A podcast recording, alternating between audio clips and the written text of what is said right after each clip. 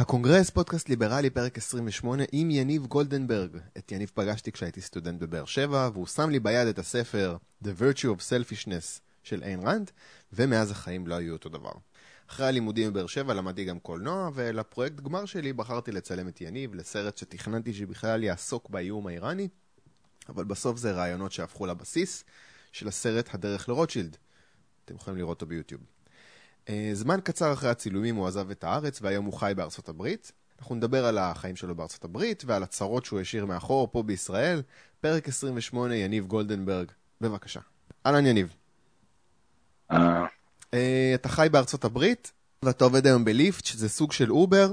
בא אליך המנכ"ל ואומר, יניב, מה אני צריך לעשות כדי שאנחנו, ליפט, נוכל להתחיל לעבוד בארץ, בישראל. מה אתה אומר לו? אה, אני אומר שזה לא כל כך פשוט שמצפה לו מאבק משפטי מול אה, כל מיני גורמים אינטרסנטיים שיש להם אה, נגיעה בפוליטיקה ובתור חברת טכנולוגיה אני לא יודע אם זה מה שמתאים לו עכשיו להפוך לחברת משפטים. אני רוצה לשאול אותך עוד שאלה על מה שקורה באמריקה, אחר כך נחזור קצת לדבר על הארץ. אז עברה שנה וקצת אחרי שטראמפ נהיה נשיא. אני רוצה לדעת לך אישית, זה טוב או רע שטראמפ נשיא? אה, לי אישית זה עוד לא קרה שום דבר. אה, העבירו איזושהי רפורמה במס, אבל זה שינוי מינימלי לגביי ולגבי אה, העובדים באזור כאן בהייטק. אז זה לא באמת משנה. אגב, מבחינת המס, מה, זה משנה בעיקר לחברות?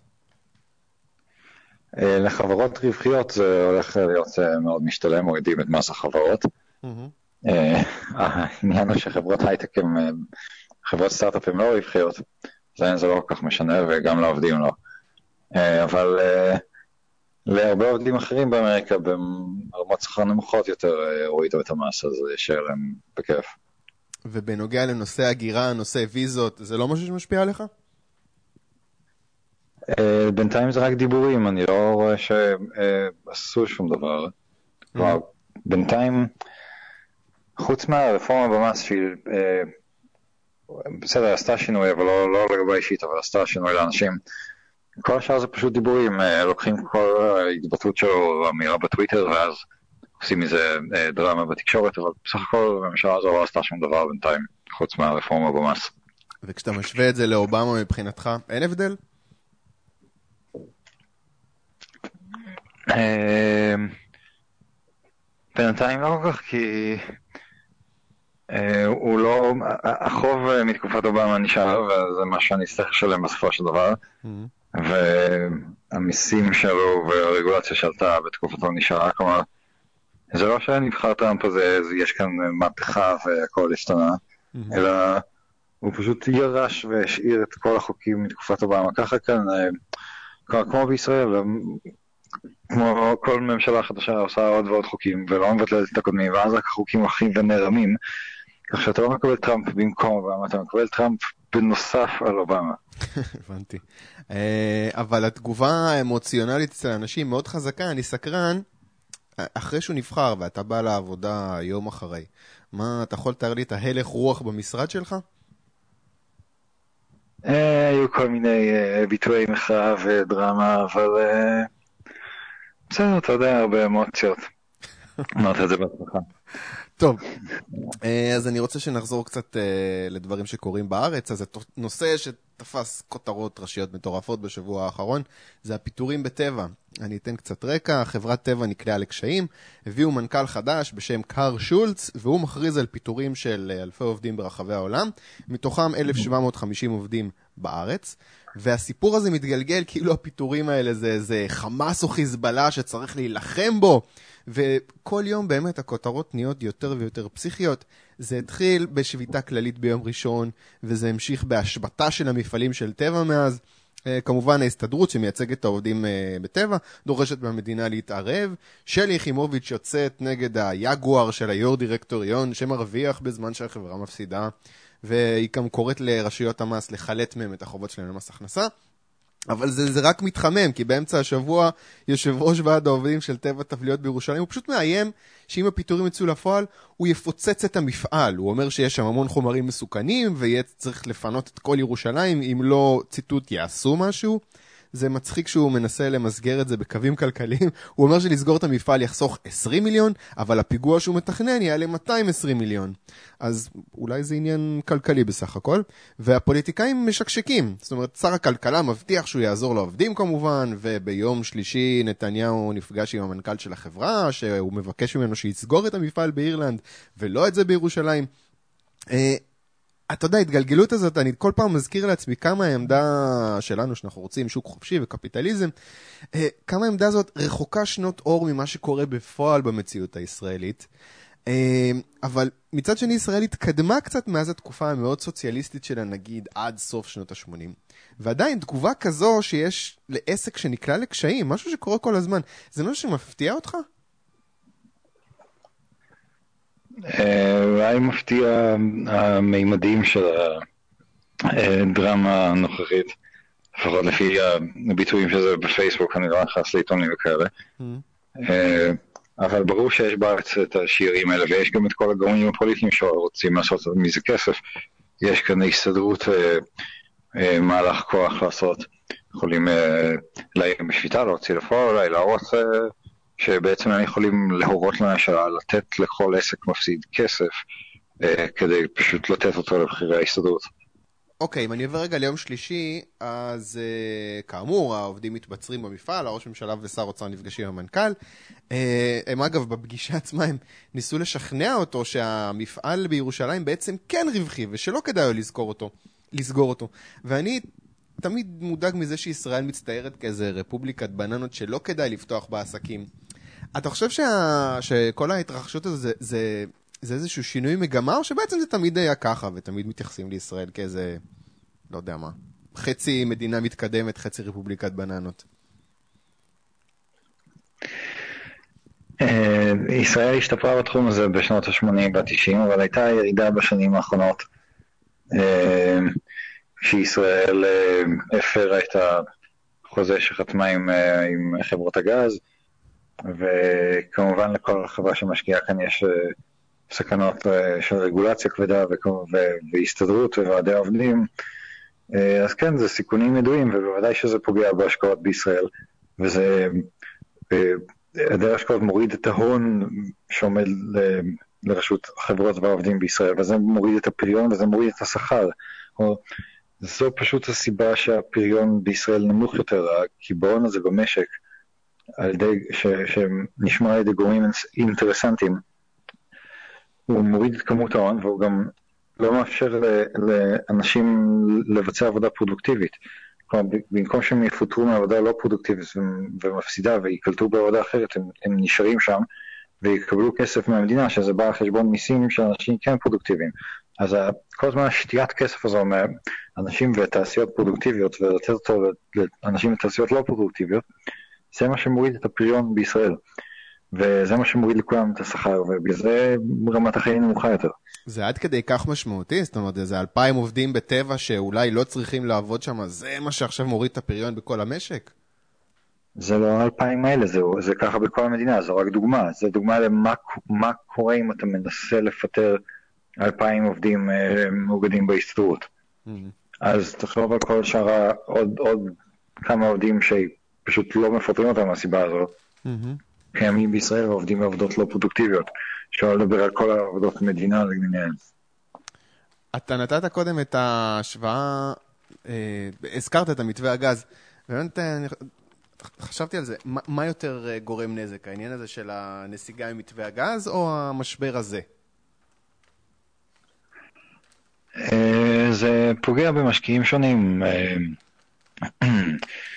אה, אה, בהפרה של חוזה הגז פוגעת במי שמנסה לעשות חוזים עם המדינה, מי שמחפש משאבי טבע, יש לו עיסוק אה, כלשהו אחר שהמדינה מעורבת בו, והסיפור עם טבע וכל שאר בעצם העובדים המאוגדים בהסתדרות, שמכריחים אנשים להחזיק תעשיות כושלות בגללם, זה פשוט פוגע בכל, ב, בישראלים שמחזיקים אה, את העסקים והמפעלים האלה בעלי מניות. אם אתה היית צריך לבחור אסון אחד אה, להימנע ממנו, מה היית בוחר? היית בוחר שהפיטורים האלה יעברו חלק, או שמתווה הגז יעבור חלק? אה, אני לא יודע, אתה בעצם מבקש ממני להמר כמה גז או נפט או אלוהים יודע מה יש עוד בישראל למצוא. לא יודע, אבל זה שאלה היפותטית ומטופשת תכלס. כי הגורם לשני הדברים האלה זה אותו דבר, אז הייתי פשוט מציע לוותר על הגורם הזה, וזה ההסתדרות והוועדים שלה והחוקים ובתי המשפט לעבודה, פשוט כל מחלבת הכספים הזאת. אוקיי, okay, אני רוצה להמשיך uh, למשהו דווקא חיובי, שאני מנסה למצוא באמת את הדברים החיוביים בכל הפרשה הזאת, וזה המנכ"ל, שכשהוא נפגש עם שר האוצר ועם ראש הממשלה, הוא, הוא לא אמר אולי והתפתל, הוא פשוט אמר לא. הוא אמר, אני לא אעצור את הפיטורים, והוא אמר שהוא אפילו איים, הוא אמר, תשמעו, אפשר בכלל לסגור את הפעילות בישראל, לפטר גם את שאר 5,000 עובדים. וזה אומר שהממשלה לא תיתן בינתיים שום הטבה, כי אם הוא לא מוכן להימנע מפיטורים, אז למה שייתנו לו משהו? אה, זה נקודת אור שאשכרה המנכ"ל דואג לחברה ולשורת רווח בלי הפופוליזם. אני רוצה הימור שלך. איך הסיפור הזה ייגמר? יהיו פיטורים, לא יהיו פיטורים? המדינה תזרים כסף, לא תזרים כסף? מאיפה אני יודע, להמר על פוליטיקה, על מה יקרה בין משא ומתן לחברה לבין כנופיית פוליטיקאים והלוביסטים שלהם וההסתדרות ואלוהים יודע מה. זה הימור קשה. בלאגן אחד גדול. אה, מה שיקרה בסוף אבל צריך אה, להיות קומפטיבילי עם חוקי הכלכלה. כלומר, ראש הטבע אה, תחזור להיות רווחית או שיהיה לה פוטנציאל כזה ולתת תשואה סבירה לבעלי מניות אחרת אין סיבה להחזיק אותה. אה, או שהיא אה, תפשוט רגל.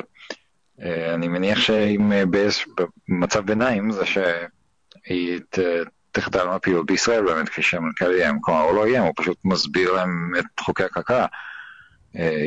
החברה הזו לא תחזיק ענף או מדינה או משהו מפסיד. זה, זה מטופש, זה נגד אינטרס בעלי המניות והם שולטים בזה. אתה חושב שזה יכול להגיע עד כדי הלאמה של טבע? בישראל לפחות?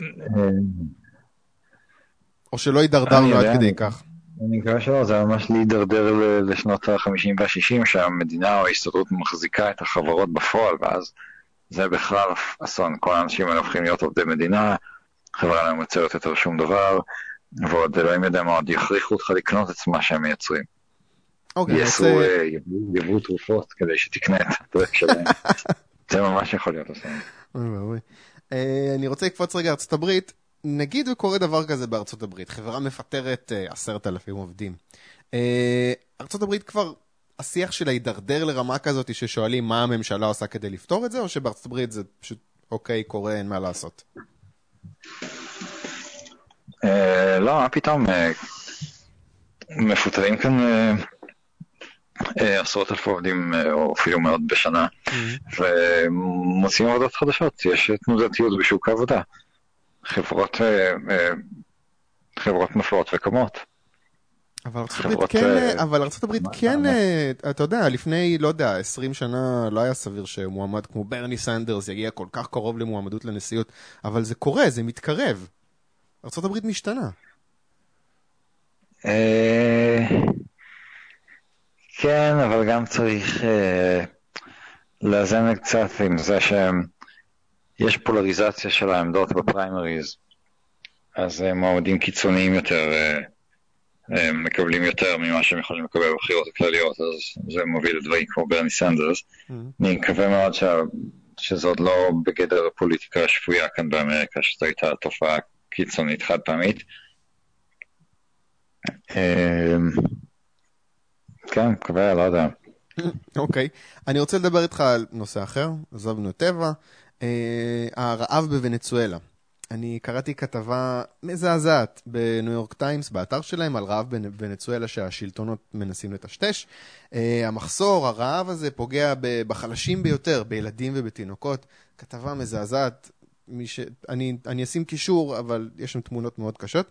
אני אתן קצת הקדמה לשאלה, קודם כל מספרים. אז השיעור תמותת אה, תינוקות בלידה עלה תוך שנתיים אה, מ-1 ל-5,000, סליחה, תוך חמש שנים, מ-1 ל-5,000 ל-1 ל-50. אחד מ-50 תינוקות מתים בלידה. Uh, בשביל התינוקות ששרדו יש עלייה של 30 אחוז, 30 אחוז במוות של תינוקות עד גיל שנה. Uh, ב-2016 רופאים ב-21 בתי חולים ציבוריים מדווחים על 2,800 מקרים של תת-תזונה בקרב ילדים, מתוכם 400 מתו. זאת אומרת, 400 ילדים מתים מרעב בשנה אחת, ומדובר בנתונים חלקיים מבתי חולים, הממשלה אוסרת על תיעוד מסודר של הנושא, הרופאים לוקחים סיכון עצום בעצם זה שהם אוספים את הנתונים. אה, מדובר במדינה של 31 מיליון תושבים, זאת אומרת, המקבילה לישראל זה בערך 130 ילדים מתים כל שנה מרעב, תחשבו על זה רגע.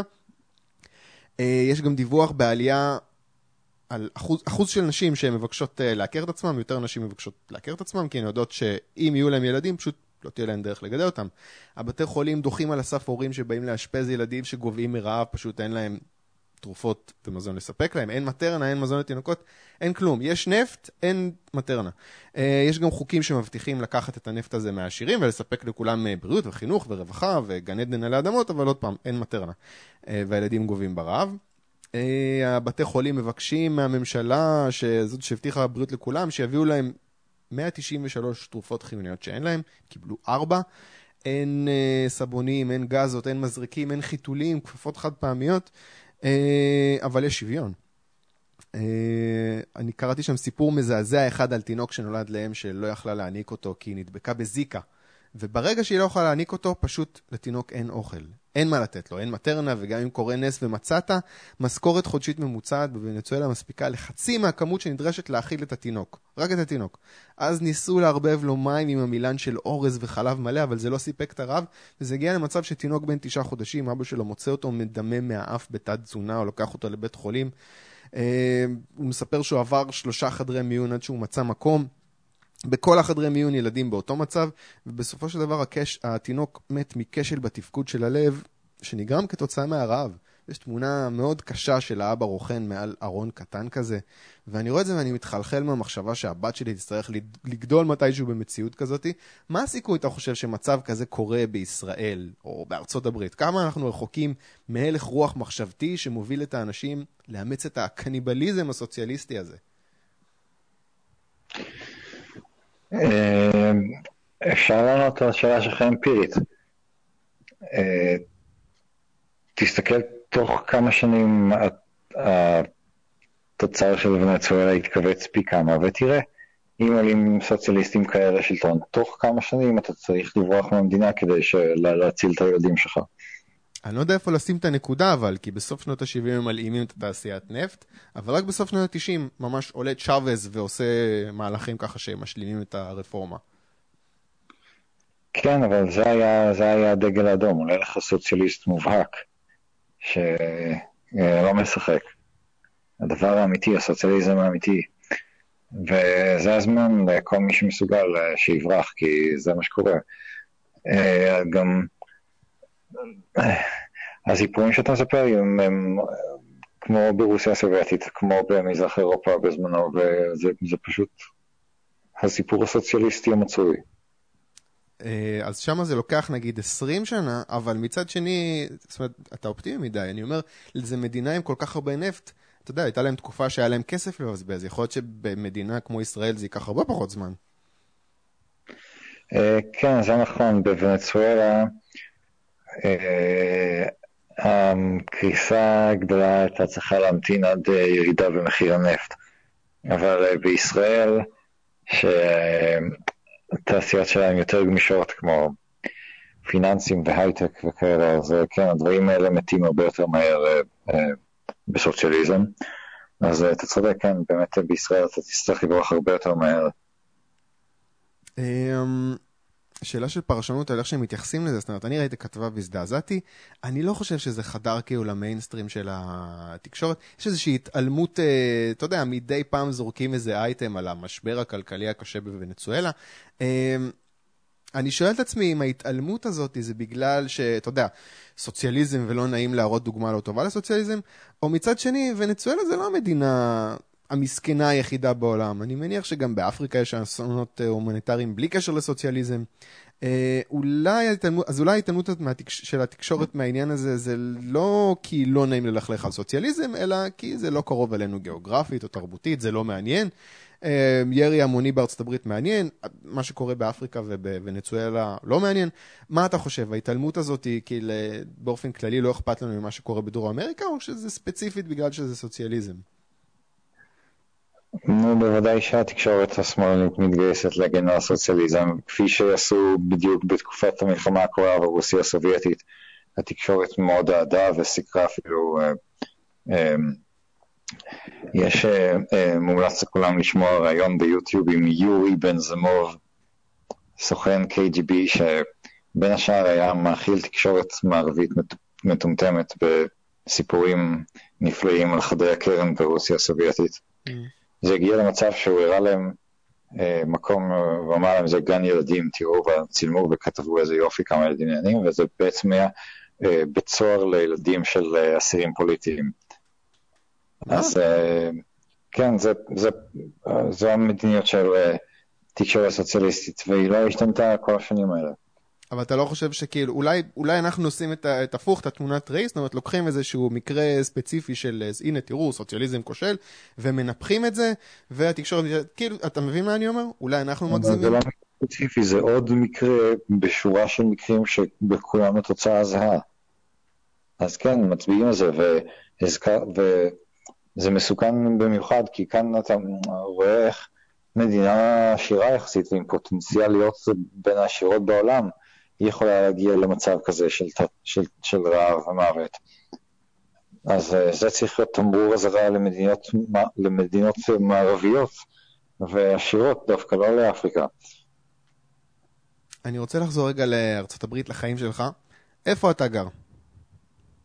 בסן פרנסיסקו. אוקיי, וכמה שכירות אתה משלם? 3,600 אה, לחודש. שקל? באמריקה משתמשים בשקלים אחרים. 3,600 דולר לחודש. למה זה כל כך יקר? זאת אומרת, אני מנסה לשאול, מה, הבעיות דיור בארצות הברית הן כמו הבעיות דיור בארץ? גם שם יקר? זה בדיוק אותו דבר, ומאותן סיבות סן פרנסיסקו זה דווקא אנלוגיה מצוינת לישראל.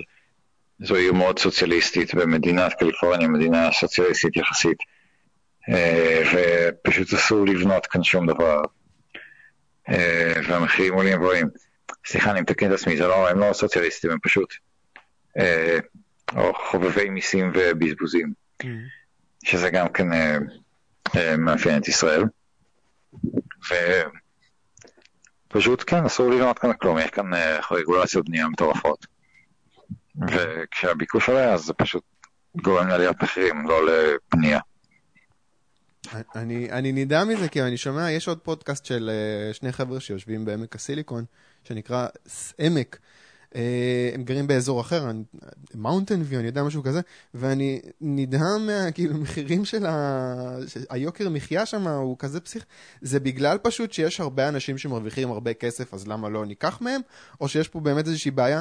כאילו אפשר לפתור את המשבר הזה ב- ב- ב- באזור שלכם, להפוך את המחירי דיור ליותר אה, שפויים? או שזה גזירה מה לעשות, ככה זה כשיש אנשים שמרוויחים הרבה כסף באזור קטן? זה ביקוש והיצע. אמ, מה שקרה כן, המשכורות האלה עלו בגלל ההייטק, אבל גם מספר העובדים עלה, אז הביקוש עלה גם בכסף וגם במספר הדורשים. Mm-hmm. ואז בשוק אה, קפיטליסטי זה פשוט גורם לעלייה מתאימה בהיצע, כלומר באים אנשים והם אה, עושים את הכסף הזה שמגיע, mm-hmm. ובונים דירות. אבל אה, במאונטן ויו זה לא יכול לקרות בגלל כל החוקי בנייה והרגולציות. אז אה, שם, וכאן גם, בקליפורניה בכלל, הגידול בביקוש ובעצם צמיחה כלכלית גורמת לעלייה מחירים. Mm. כמה ישראלים יש בעמק הסיליקון? אה, לא יודע, שמעתי פעם 100 אלף. אוקיי, okay, אתה חושב שזה פופוליסטי להגיד שהם שם כי המיסים בארץ גבוהים? הרי יש עוד סיבות, זאת אומרת, כיף ובטוח באמריקה, אולי בכל מקרה היו שם הרבה ישראלים, גם אם עכשיו היה, לא יודע, מגיע ביבי שר האוצר של 2003 ומוריד מיסים, ואתה יודע שיפטרו את העובדים בטבע ושוק חופשי והכל, עדיין הם עוברים לארצות הברית. מסתכלים על השורה התחתונה, לא על המס, אז uh, כאן העבודות יותר טובות, mm-hmm. ואתה מרוויח יותר, וגם המיסים יותר נמוכים, כי לא כל כך בהרבה בקליפורניה. Mm-hmm. אז uh, כן, השורה התחתונה, אם ישראל רוצה להיות תחרותית uh, לשוק העבודה כאן, אז היא צריכה להוריד מיסים הרבה מתחת לאלו בארצות הברית. Mm-hmm. אוקיי. Okay. uh, אני רוצה לשאול אותך מה שקרה השבוע, פחות uh, חדשות uh, גדולות, אבל עדיין זה היה מעניין. אה, בית משפט בארץ קבע שפייסבוק חייבת להעלות בחזרה את עמוד סטטוסים מצייצים. אה, מתפתח עכשיו בישראל איזשהו שיח נגד אה, מה שנקרא הענקיות הדיגיטליות. כמובן דה מרקר מוביל את זה. שיח נגד פייסבוק, גוגל, אמזון, אומרים עליהם שהם גדולים מדי, שהם משתלטים על הכל, צריך לעצור אותם, הם עוד לא מגדירים בדיוק מה צריך לעשות להם. אז בקרב הזה, העמוד הזה של סטטוס, סטטוסים מצייצים הם ניצחו, זאת אומרת, אני הייתי, חשב, עברה לי לרגע בראש המחשבה שאולי פייסבוק יגידו fuck this ופשוט יסגרו את פייסבוק בישראל ו- ו- וילכו ותסתדרו.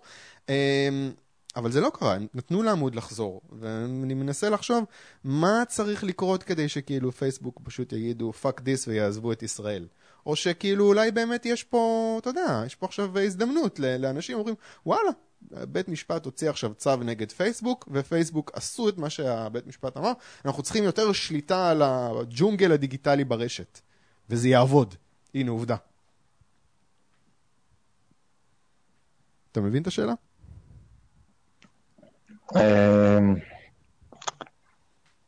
מה השאלה? השאלה זה עד כמה אה, בתי משפט יוכלו, יוכלו לכופף את הזרוע של פייסבוק ואתה יודע, אתרים אחרים, אה, כדי שיעשו דברים שהם אה, לטובת השיח הפופוליסטי הנוכחי. לא יודע, פתאום יגידו לגוגל, עכשיו אתם עושים פחות פרסומות כדי שיותר כסף יזרום לטלוויזיה. כן, אז אה, שוב, אתה בודק את הסבלנות של חברות שזה דבר מסוכן, כי כשאתה עובר את הגבול אז פשוט החברה מפסיקה את הפעילות במדינה הזו ואז כולם מפסידים. זה גם יכול להיות אפקט שרשרת שפשוט לפגוע במוניטין של ישראל, של מדינת הייטק ופיתוח. אה, כלומר, זה, זה מדרון חלקלק ומסוכן. Mm-hmm. אני מניח שהקו האדום זה שיעשו משהו שפוגע ברווחיות של פייסבוק, או שפוגע בערכים בסיסיים של החברה ודברים שהמנהלים התחייבו ציבורית, כמו שממשלת סין ביקשה מגוגל להסגיר אנשים שעברו על חוקי צנזורה, אז גוגל פשוט התקפלה משם. Mm. אמ, אגב, אתה הופתעת כשהם החזירו את העמוד הזה? חשבת שהם לא התקפלו? אה, לא יודע, לא אכפת לי, לא עקבתי בכלל. אוקיי. אה, אני רוצה לשאול אותך שאלה על ביטקוין. אני לא דיברתי על זה עם אף מרואיין עד עכשיו, כי לא ידעתי כל כך מה לשאול. אני אנסה לשאול, מה הסיכוי של ביטקוין להפוך למטבע נורמלי במרכאות לדעתך? אה, ביטקוין הוא אפשר לטעון שהוא כבר מטבע נורמלי, הוא מטבע שמתקבל חוקית ביפן, ונורמלי זה פשוט עניין של כמה אנשים מוכנים לקבל אותו כתשלום. אז אה, או שזה יקרה, או שזה לא, או שזה יהיה מטבע אחר, אני לא יודע. אבל בעתיד סביר שהמטבע יהיה באמת בלוקצ'יין אה, ולא מטבע אה, של בנק מרכזי. אוקיי, okay, ואתה לא מקבל את העניין הזה, זאת אומרת, הביקורת הכי אה, נפוצה שהבנתי עד עכשיו ששמעתי על זה, זה וואלה, ברגע שממשלה מחליטה שלא יודע מה, עכשיו אנשים שיש להם ביטקוין יצטרכו לעבור רגולציה ו- ומס, אז מטבע פשוט יכול להתמוטט. לממשלה יש כוח להפיל מטבע כזה? מה שאלת? אם הממשלה יכולה מה? אם לממשלה יש כוח להפיל את המטבע הזה. עכשיו ארה"ב אומרת, אני לא, לא מקובל עליי שיש את הביטקוין הזה. הם יכולים להפיל אותו? כן, אני יכולה להגיד, כל מי שנתפס אה, סוחר בביטקוין, אה, נראה בו ובמשפחתו. לא, אני מתכוון אה, דרך רגולציה, לא דרך, אתה יודע, ממש לעצור אנשים שיש להם ביטקוין. לא, אבל היסטורית זה מה שהם עשו, כשהם החליטו שאסור להחזיק או לסחור בזהב, אז זה מה שהם עשו, הם לא עשו רגולציה. פשוט חטפו אנשים וכלאו אותם. ואתה חושב שכן, ביטקוין יכול להחליף זהב? מה זה? אתה חושב שביטקוין יכול להיות, לא יודע, מטבע שכאילו טוב כמו זהב? כמו מטבע שמבוסס על זהב? כן, זה עניין של אה, קבלה, כמה, חושב שיותר אנשים יאמינו בזה, אז כן. אוקיי. הערך של ביטקוין זה הערך שאנשים מוכנים לסחור תמורתו, זה הכל. אוקיי. אה, אני רוצה לשאול אותך עוד משהו אחד על אה, Airbnb. זה חדשות שלא כך הגיעו למיינסטרים, אבל קראתי כתבה שרשות המיסים הגיעה להסכם עם חברת Airbnb. הם התחילו לגבות מס ממזכירי דירות בארץ ישירות דרך האתר. אה, זה אומר שמחירי השכרת חדרים ודירות דרך Airbnb יעלו בקרוב. ולדעתי יש פה איזה סימון וי קטן של התאחדות uh, בתי המלון שיצא למאבק uh, ב-Airbnb, לכאורה. אולי דרך כל מיני דפי פייסבוק הזויים בסגנון חייבים לעצור את Airbnb, הם שותים את הדירות להשכרה. אבל אני מסתכל על העניין הזה ואני חייב להודות שכאילו אני לא יכול להיות לגמרי נגד התאחדות בתי המלון. זאת אומרת, הייתי מעדיף שיבטלו את הרגולציה על בתי מלון, אבל זה לא הוגן שמישהו משכיר דירה דרך Airbnb ולא משלם מס, כשבית מלון שמתחרה בו צריך גם לעמוד ברגולציה קשה יותר וגם לשלם מס. מה אתה חושב? יש פה כאילו, הצעד הזה מוצדק של להטיל מיסים דרך Airbnb? אה, בוודאי שלא, זה להשוות את העוולה זה לא מוסיף צדק. כפי שאמרת, צריך לבטל את הרגולציות על בתי מלון ולתת להם אה, להתחרות שווה בשווה. Hmm, אוקיי. Mm, okay. Uh, טוב, המלצת uh, תרבות, ספר או סרט או פודקאסט uh, uh, מסוים. Uh, יש לך המלצה? כן, אני ממליץ על האלבום מודרן מיוזיק של ברד מלדאו. איזה סגנון זה? ג'אז. ג'אז, אוקיי. מי שאוהב ג'אז, ברד מלדאו. למה? למה ספציפית האלבום הזה? זה מעניין. אוקיי. יניב, תודה רבה. אה, תודה לך. הקונגרס לכל מי שמאמין בחופש. ניפגש בשבוע הבא עם עוד ליברל.